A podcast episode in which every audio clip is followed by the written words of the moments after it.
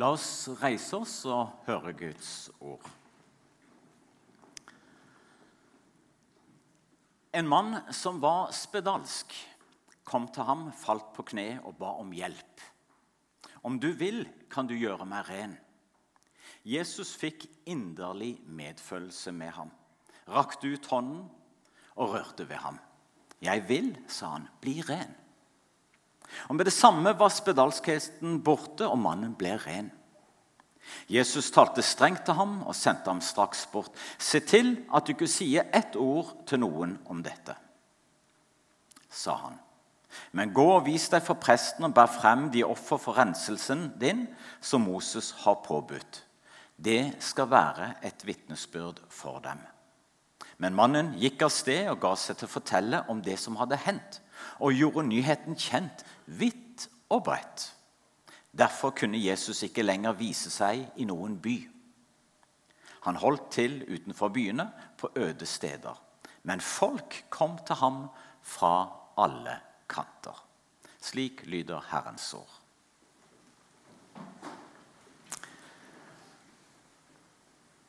Her kommer en som er i stor nød, til Jesus. Og på en måte så er dette en fortelling om tro. Tro hvor noen søker Tro hvor noen ser at de ikke har noe selv som gjør at de kan greie den situasjonen de står i.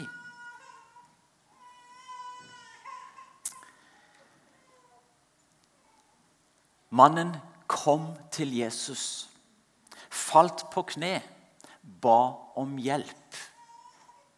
Om du vil, kan du gjøre meg ren. Ja, er det ikke det tro handler om?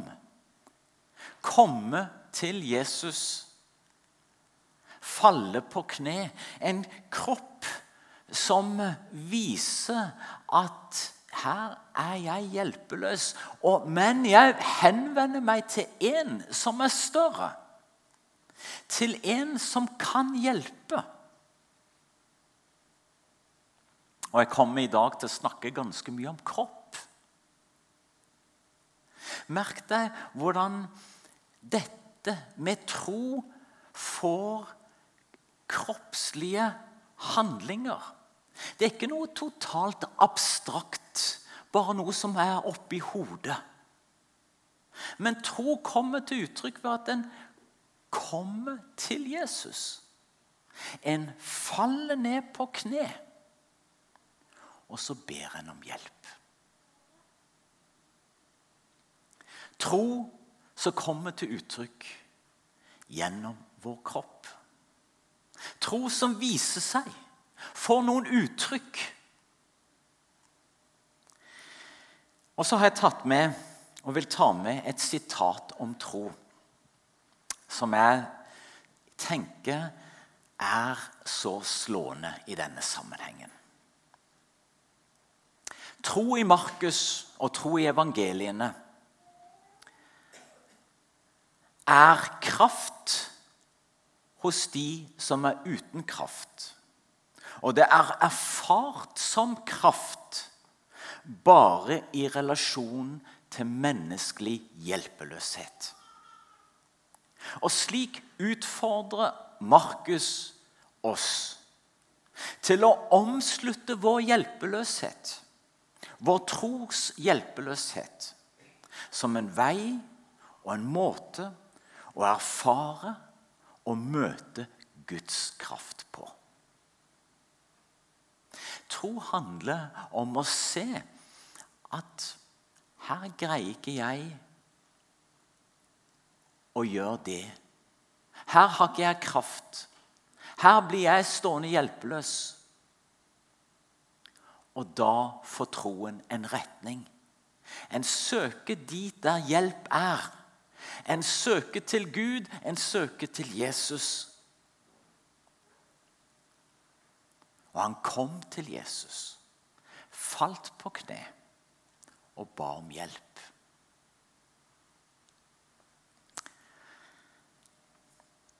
Og så møter denne mannen en Jesus. Og her brukes det et uttrykk om Jesus som jeg har lyst til å løfte frem i dag. Inderlig medfølelse. Inderlig medfølelse. Jesus fikk inderlig medfølelse med ham. Rakt ut hånden og rørte ved ham. 'Jeg vil', sa han, 'bli ren'. Hva er nå da inderlig medfølelse?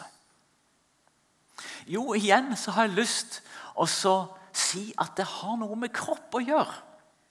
Og Nå skal ikke jeg brife med gresk, og sånt noe, men det kommer av et ord som igjen er nært beslekta med et annet ord. Og det ordet det betyr rett og slett innvoller. Når du har medfølelse, da kjenner du det i magen. Har du noen gang opplevd og sett et menneske som blir skada, og så, så, kjenner du det i magen? Det knyter seg. Det, det liksom går noen isninger. Medfølelse kjennes i kroppen. Og når du blir møtt med medfølelse hos en som kjenner det i kroppen, så er det noe ganske annet enn om noen litt sånn kaldt sier 'Ja, jeg har masse medfølelse med deg'. Kroppen kommuniserer ofte mye mer enn ord. Og jeg er overbevist om at denne som kom til Jesus, han møtte en Jesus som hadde medfølelse. En Gud som har blitt menneske, som kjente det i magen. Åh! Du kjente på noe av den nøden og den smerten. Jesus kjente på noe av den smerten, og det satte seg i magen.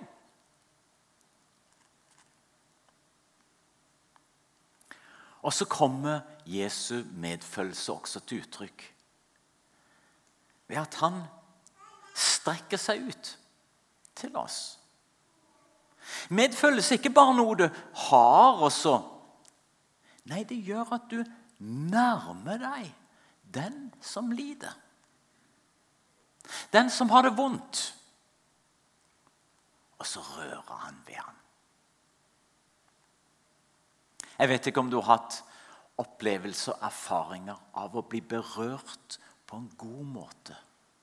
På en trygg måte. Nå i dag så har dere kommet med et lite barn til dåp. Og som mor og som far, når barnet skriker, da strekker du deg ut. Da går du hen. Da rører du ved barnet. Du tar det i trygge armer. Og du skaper en trygghet hos barnet. Jesus, han kjenner det i magen når du har det vondt. Han blir berørt av det.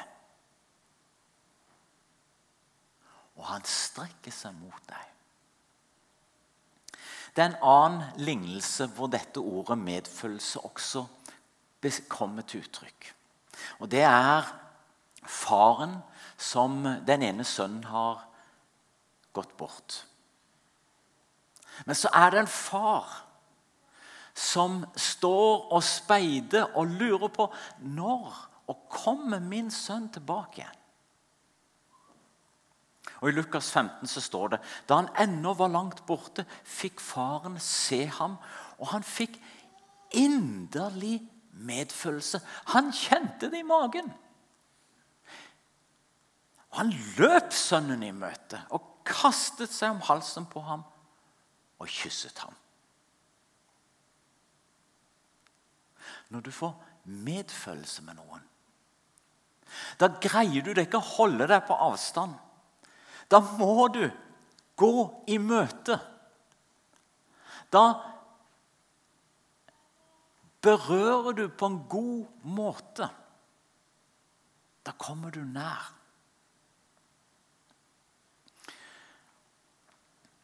Og I løpet av noen år her i misjonssalen hvor jeg har fått vært med i styret, så har jeg fått noen erfaringer og sett mennesker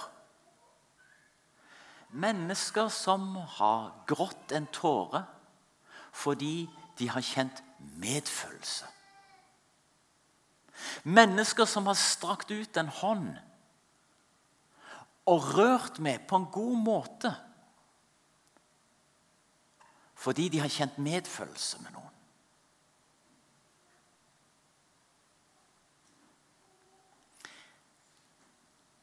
Jesus, Gud,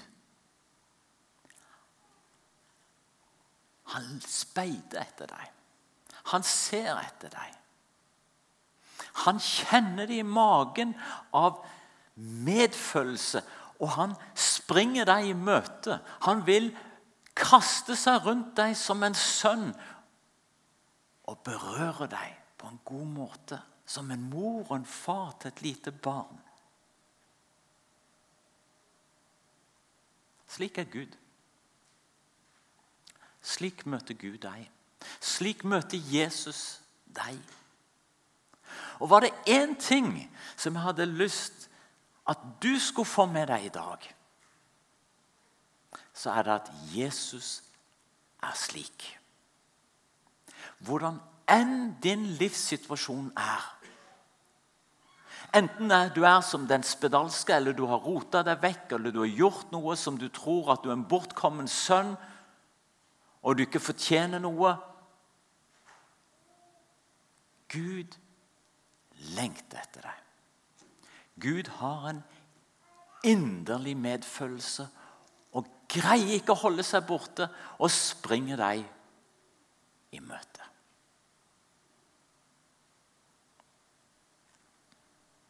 Det motsatte er vel det vi hørte i den teksten fra Salme 38. Der er det et menneske som opplever venner og de som står meg nær, holder seg borte fra min plage. Mine nærmeste holder seg på avstand. Det er vel kanskje det sterkeste motsetningen av medfølelse. Til og med de nærmeste, til og med vennene. Avstanden Medfølelse tåler ikke avstand. Medfølelse søker å krysse over og komme nær. Og kanskje har du, og kanskje har jeg, erfaringer av at noen holdt seg borte. Også de en ikke venta det av. Men slik er ikke Gud. Slik er ikke Jesus. Om vi svikter, om mennesker svikter, så gjør ikke Gud det. Jesus kommer alltid nær. Jesus har medfølelse. Gud selv ble menneske i Jesus Kristus, og Jesus kjenner det i magen når du har det vondt. Og han strekker seg mot deg og vil deg vel og røre ved deg. Og det vil han også her og nå.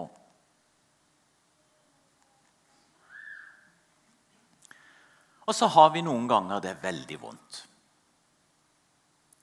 Og vi kan ha ulike grader av smerte og sorg og nød. Og denne spedalske hadde det jammen ikke godt. Han var på mange måter en som både hadde en fysisk sykdom, men var også en som var uren, og hvor mennesker nettopp holdt seg på avstand fra. Fordi han var uren, og ingen ville ha noen nærhet med ham. Og I den sammenheng så taler også denne salmeteksten fra Det gamle testamentet som er på denne søndagen, og sier noe om de erfaringene med det, med avstand, med nød, med smerte. Hva det kan gjøre med oss. Og merk igjen hvor kroppslig dette er. Hjertet hamrer. Kraften svikter Selv lys i øynene har forlatt meg. Jeg er lik en døv. Jeg hører ikke. Jeg er lik en stum som ikke åpner munnen. Jeg er lik en lam som ikke hører, eh, lik en mann som ikke hører og ikke har svar i min munn. Hva slags kroppslige tilstander er dette? På en måte så sier det noe sånn intuitivt til oss. Men hva er det for en tilstand? Jeg har tatt med meg et uh, bilde, en illustrasjon, av det psykologer kaller toleransevinduet. Nå er det noen som smiler her nede, som jeg har snakket med. Og det sier noe om oss mennesker som er viktig. Det sier noe om at når vi opplever påkjenninger, når vi opplever hendelser i livet som er mer enn det vi kan tåle, så skjer det noe med oss.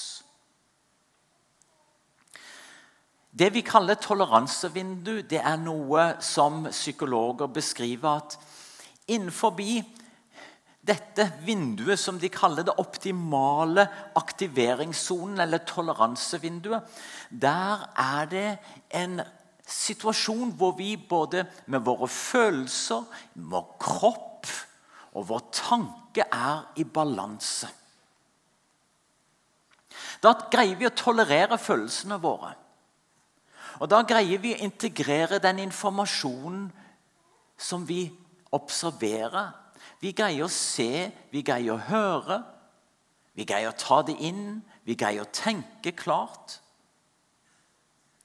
Men hvis vi går for mye ned i følelsene Hvis vi blir deprimerte, hvis livet blir så tungt at alt blir et ork, så går vi i en tilstand som vi blir nedstemt. Vi kan oppleve på tomhet og nummenhet avstenging av inntrykk og handlingslammelse. Og det er vel faktisk det som beskrives her i Salme 38. Øyne som ikke ser. Du stenger av inntrykkene. Handlingslammelse. Hvor du ikke greier å tale engang lenger noe særlig. Du blir nesten stum.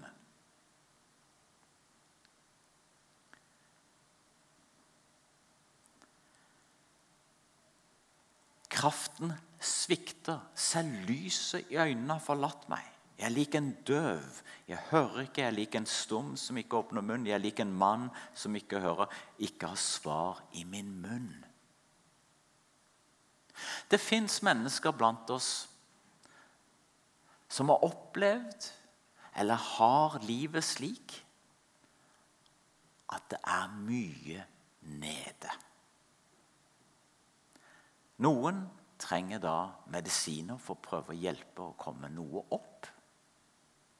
Andre kan oppleve at det er så mye uro, aggresjon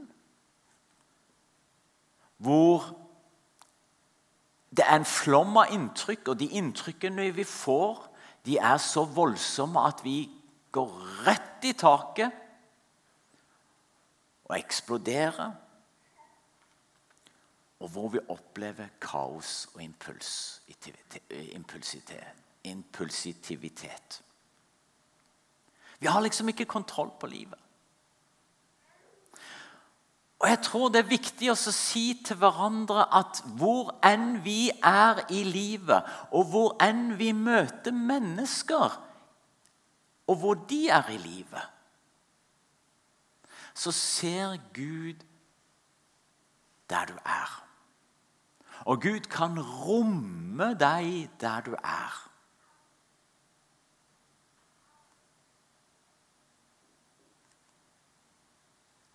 I denne salmen så rammes den inn av nettopp en henvendelse mot Gud.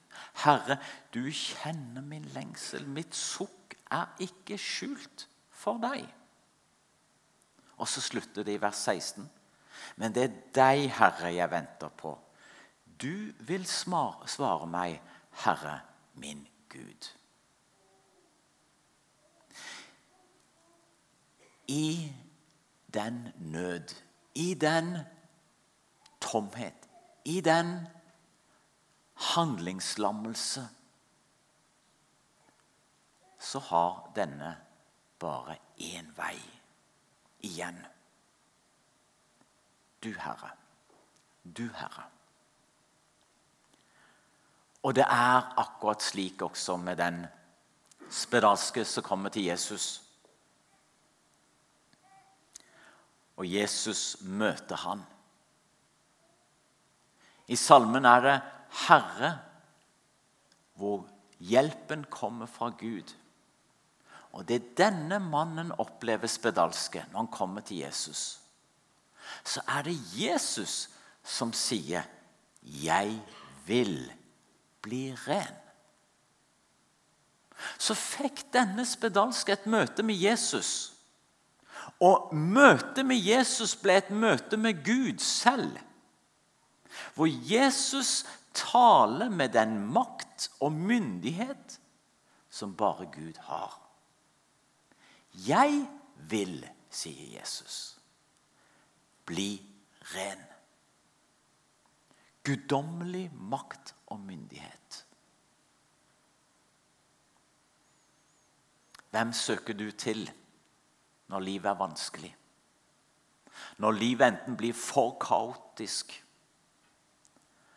eller for lavt? Herre, til deg kommer jeg.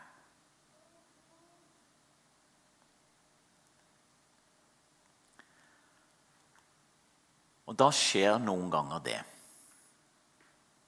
At Gud griper inn, også i våre liv, slik han gjorde med den spedalske. Og Denne spedalske får da beskjed Se til at du ikke sier et ord om dette til noen. Men tror du han greide å la være? Nei. Den spedalske har blitt løftet opp han har blitt gjort ren. Han har fått blitt brakt inn i relasjon med sine medmennesker.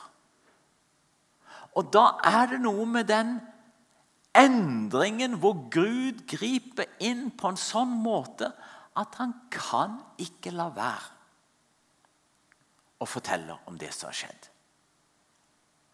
Men mannen gikk av sted og ga seg til å fortelle om det som hadde hendt, og gjøre nyheten kjent vidt og bredt. Det er litt rart å lese om Jesus og sier nå må ikke du finne på å si noen ting. Og Noen ganger så sier han det til disiplene sine. Og Det kan synes som at disiplene rett og slett er ikke i stand til og klar til å forstå hvem Jesus fullt ut er og at de må vente til etter hans død og oppstandelse før de kan fortelle og forkynne Jesus Kristus sant og klart. Men her er det liksom ikke helt det samme. Her er det som om det blir en sånn en Si det ikke, og så eh, tror du jeg greier å la være. Det er en måte å få frem på at vet du hva, når livet forandres på en slik radikal måte Gud griper inn da greier mennesker ikke å la være å fortelle.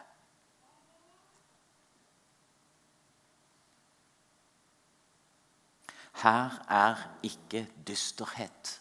Her er ikke handlingslammelse.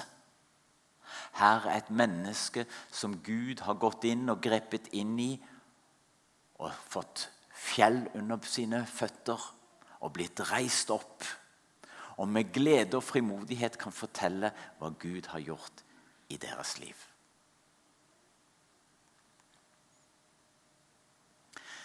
Den siste teksten som er ført opp på denne søndagen, det er fra 1. Johannes 4. Og det er også en respons på møtet med Gud. En respons på møtet med Jesus som vi skal ta med oss inn i vår dag i dag. Når Gud har gjort deg til sitt barn, som Gud har gjort med den lille gutten her i dag Og når Gud har gjort deg og meg til sitt barn, og vi har fått erfare hans kjærlighet og hans godhet, så er det slik som det står i denne teksten. Mine kjære, har Gud elsket oss slik, da skylder også vi å elske hverandre.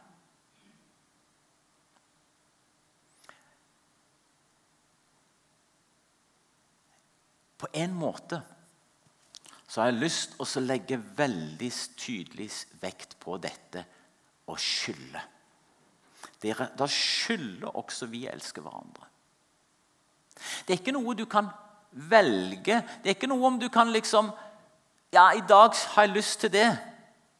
Eller ikke lyst til det. Du har en gjeld, du har en forpliktelse. Og det tror jeg at vi skal si til hverandre tydelig og klart.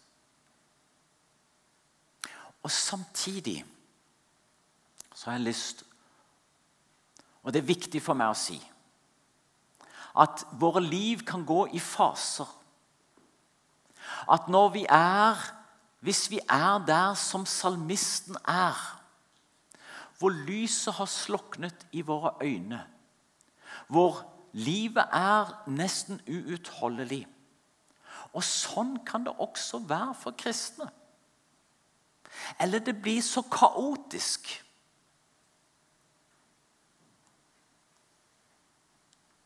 så rommer Gud deg da òg. Så skal du få lov å hvile i at Gud rommer deg.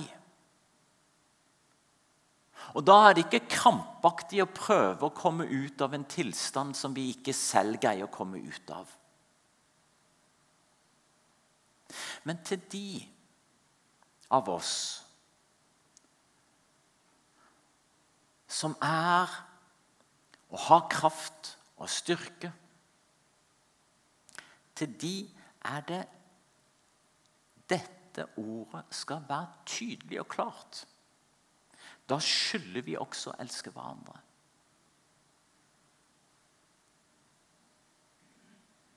Hvis vi alle strekker oss ut mot hverandre, blir også avstanden mellom oss halvparten så stor. medfølelse, strekke seg ut som Jesus gjorde. Berøre hverandre på en trygg måte. Det er vi kalt til som respons. Herre himmelske Far, vi takker deg for at vi får være dine barn. Og du har gjort oss til dine barn for Jesu Kristi skyld. Av nåde i din dype barmhjertighet. Og så ber vi om at vi kan få erfare din kjærlighet og din godhet og din medfølelse på en slik måte at det også gjør noe med våre liv. Og gjør noe med våre fellesskap. Og gjør noe med meg. Velsign oss i ditt navn. Amen.